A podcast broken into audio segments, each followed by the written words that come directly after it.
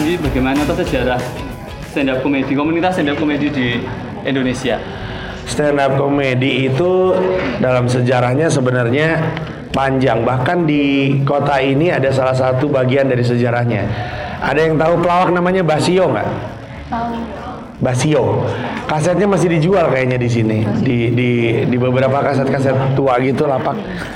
Karena stand up komedi itu sudah ada formatnya di kesenian tradisional kita kalau kita nonton Sri Mulat itu suka ada yang satu maju duluan sebelum yang lain maju itu namanya ngudoroso. Formatnya kayak stand up. Basio juga ngelawak sendiri. Ada grupnya tapi dia suka ngelawak sendiri ngomongin keresahan jadi orang miskin. Itu formatnya stand up.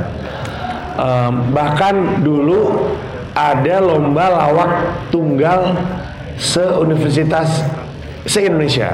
Formatnya kayak stand up. Jadi dalam sejarahnya udah udah banyak. Terus tonggak terbesarnya adalah warkop. Sebelum warkop, komedi itu pakai baju aneh-aneh, pakai kostum dan dan aneh-aneh.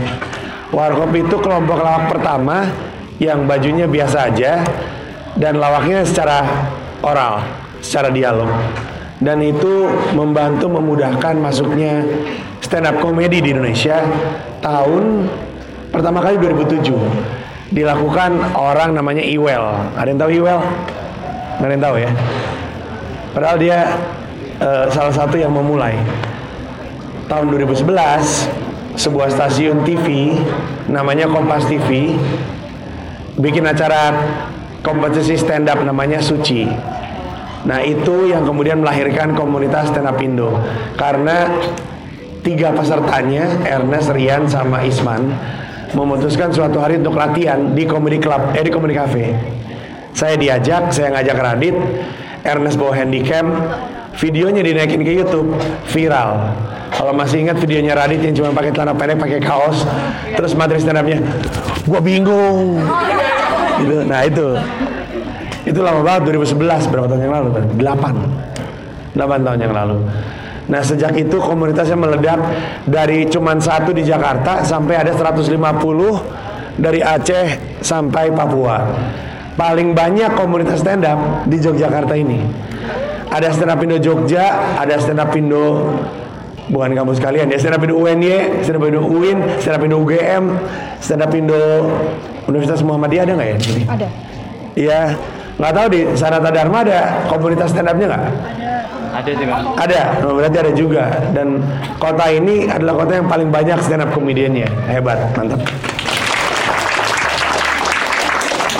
Oke, itu tadi uh, cerita singkat soal stand up komedi di komunitas stand up komedi di Betul. Indonesia. Iya. Tapi uh, yang membuat Bang Panji tertarik dengan dunia stand up komedi itu ceritanya bagaimana? Di sini pasti ada nih orang yang kayak saya. Siapa di sini yang suka banget ngelawak? Biasanya duduknya di belakang-belakang tuh kayak gitu tuh. Ada nggak yang kerjanya bercanda mulu? Ucup, ucup. Mana? Ucup, ucup. Mukanya aja udah kayak pelawak, ucup. Jadi dulu itu emang saya senengnya ngelawak, saya juga bingung. Em, padahal saya dulu pemalu. Yeah. Tidak bisa dipercaya, tidak bisa dipercaya. Terus sampai satu hari setiap kali ada guru nggak ada di kelas waktu SMA nih, saya suka maju ke depan pura-pura jadi guru tersebut. Terus lucu. Terus setiap kali ada guru nggak ada, saya disuruh maju. Ayo dong jadi si Padewa gitu. Dong jadi Bu ini gitu. Terus jadi saya jadi keseringan ngelawak. Bahkan kalau nongkrong, kalau saya bercanda, yang lain tiba-tiba ngeliling. Perhatiin dia. Waktu saya kuliah, kalau nggak ada dosen, saya suka cerita asal muasal. Misalnya lagi nongkrong, eh Jinji, cerita dong asal muasal mikrofon. Terus nanti saya ngarang cerita sejam tentang asal muasal mikrofon. Ntar kalau misalkan ada dosen lain lagi yang nggak masuk, eh Jinji cerita asal muasal sendal jepit. Saya ngarang sejam. Nah lama-lama saya mikir, saya matematika buruk, kuliah berantakan. Tapi saya tahu saya bisa bikin orang ketawa dan kuat ngomong lama. Terus saya bingung, pekerjaan apa ya nih? saya pikir dulu saya harusnya jadi penyiar. Makanya saya ngelamar jadi penyiar radio. Sampai satu hari saya nemu DVD bajakan kan masih kuliah, boleh dong. DVD bajakan Robin Williams live in Broadway. Di situ pertama kali tahu stand up, di situ pertama kali berikhtiar pengen jadi stand up comedian dan habis itu diperjuangkan sampai akhirnya kejadian di tahun 2011 gitu. Oke. Tepuk tangan dulu.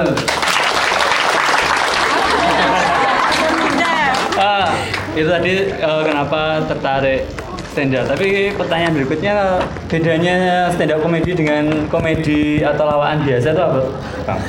Nah, utamanya stand up comedy itu datangnya dari keresahan. Saya mau ini agak panjang dikit ya definisinya.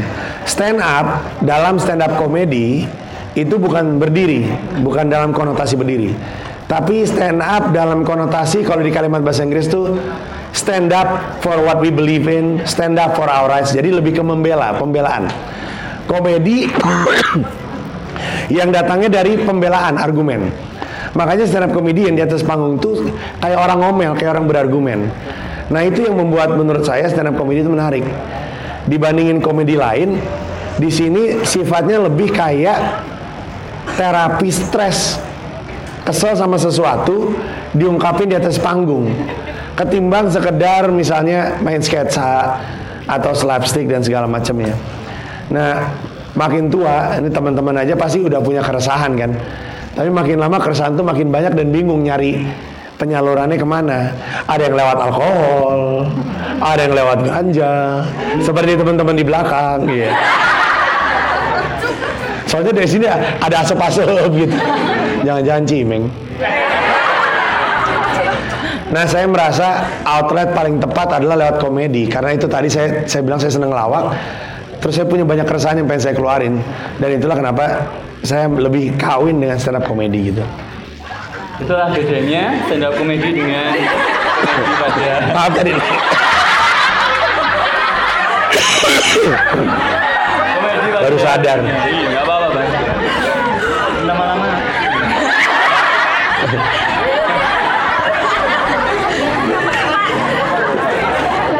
Bermula dari keresahan katanya. Ya. Nah, keresahan Bang Panji itu yang tertuang di stand up komedi banyak. Iya. Paling banyak apa? Paling banyak Iya. dari tahun ke tahun, dari tahun pertama saya bikin pertunjukan eh, topik persatuan itu selalu ada eh, dalam pembahasan. Ada yang dikit pembahasannya, ada yang tebel, tapi sejauh ini termasuk yang besok belum pernah ada pertunjukan tunggal stand up komedi saya yang nggak ngomongin persatuan. Udah segitu aja. Saya tunggu yang terbikin saja. Enggak. Persatuan, maka tadi buku pertamanya yang diterbitkan di Bentang masih ingat judulnya? Ayat-ayat cinta. Akhir pelangi. Yang disebutkan oleh Mas Salman tadi? Nasional. Ismi. Kira-kira itu artinya apa itu? Sebenarnya itu diartikannya lebih kepada nasionalisme ala saya gitu. Jadi bukannya saya nasionalis, bukan gitu. Karena em, nggak aneh aja gitu, nggak klaim gitu, oh saya paling itu gitu. Jadi lebih pembahasan tentang nasionalisme ala saya. Isinya juga itu sebenarnya bentang tuh terlalu baik sama saya. Itu buku jelek itu. Bener deh. Maksudnya penulisannya aneh banget. Campur-campur bahasa Indonesia bahasa Inggris. Terus Nah ini nggak tahu salah saya, nggak tahu salah bentang ya. Ini ada ada satu bagian tulisannya gini. Saya sering cerita nih. Saking buruk ini busuk, busuknya ini buku nih. Suatu siang ketika sedang makan malam, apa coba? Habis itu lolos lagi dari editor. Nah cuman, iya. Nah cuman nasionalisme itu pada dasarnya adalah eh, nasionalisme pada dasarnya adalah buku yang cerita tentang kenapa saya jadi punya pemahaman yang beda sama orang-orang terhadap Indonesia dan terhadap kecintaan terhadap Indonesia dan nasionalisme itu harusnya itu seperti apa kurang lebihnya bukunya seperti itu Oke, Eh, tadi kan stand up komedi awal mulanya dari keresahan. Bagaimana membuat keresahan itu menjadi sesuatu yang bisa ditertawakan? syarat pertama harus sudah berdamai dengan keresahannya sambil contoh Di komedi ada teori tragedi plus waktu sama dengan komedi. Yang dulu-dulunya tragis, setelah lewat lalu, berlalu waktu, kita lihat lagi dan kita ingat-ingat lagi malah jadi lucu. Misalnya nih, Simba ini udah kata-kata sendiri nih. Dia ngomongin ketika dia pertama kali patah hati. Pada saat itu nangis-nangis. Kalau dia ceritain ulang, kemungkinan besar kita ketawain tuh cerita karena alay banget pasti. Hampir semua kayak saya gitu cerita nembak cewek pertama kali terus gagal. Hari itu tuh saya nangis, bener-bener nangis. Sekarang saya baru sampai sini aja udah pada ketawa. Jadi tragedi plus waktu sama dengan komedi. Nah, waktu itu adalah proses masa di mana kita bisa berdamai dengan masalah itu. Kalau kita masih belum bisa berdamai, kita nggak bisa jadiin itu sebagai bahan ketawaan. Misalnya, misalnya ayah saya meninggal, atau jangan ya, apa yang lebih dark? Ya? Atau nggak apa-apa deh, ngomongin ayah saya meninggal. Sebenarnya ada banyak cerita lucu yang terjadi ketika ayah saya meninggal. Tapi kalau saya langsung bahas, sayanya juga masih sedih sama ayah saya, belum bisa berdamai. Jadi kemungkinan besar di atas panggung nggak jadi lucu. Orang malah sedih. Padahal ada kejadian lucu salah satunya saya punya teman namanya J Flow. Dia dengar saya bapak saya meninggal. Terus dia bilang, gue menuju ke sana, gue mau ikut uh, makamin. Uh, Oke. Okay saya tunggu-tunggu orangnya nggak datang datang. Saya pulang, udah selesai udah selesai, udah selesai nangis. Saya mau balik ke mobil, mau balik ke rumah. Baru nongol J nya Saya bilang, katanya mau datang. Iya, gue tadi dari tadi udah di sini. Kok gue nggak ngeliat lu? Gue salah pemakaman, gue di sebelah sana. Jadi dia datang ke pemakaman, dia pikir itu bapak saya. Dia ikut doa di situ. Dia ikut tabur bunga di situ sambil nyari panjinya mana gitu.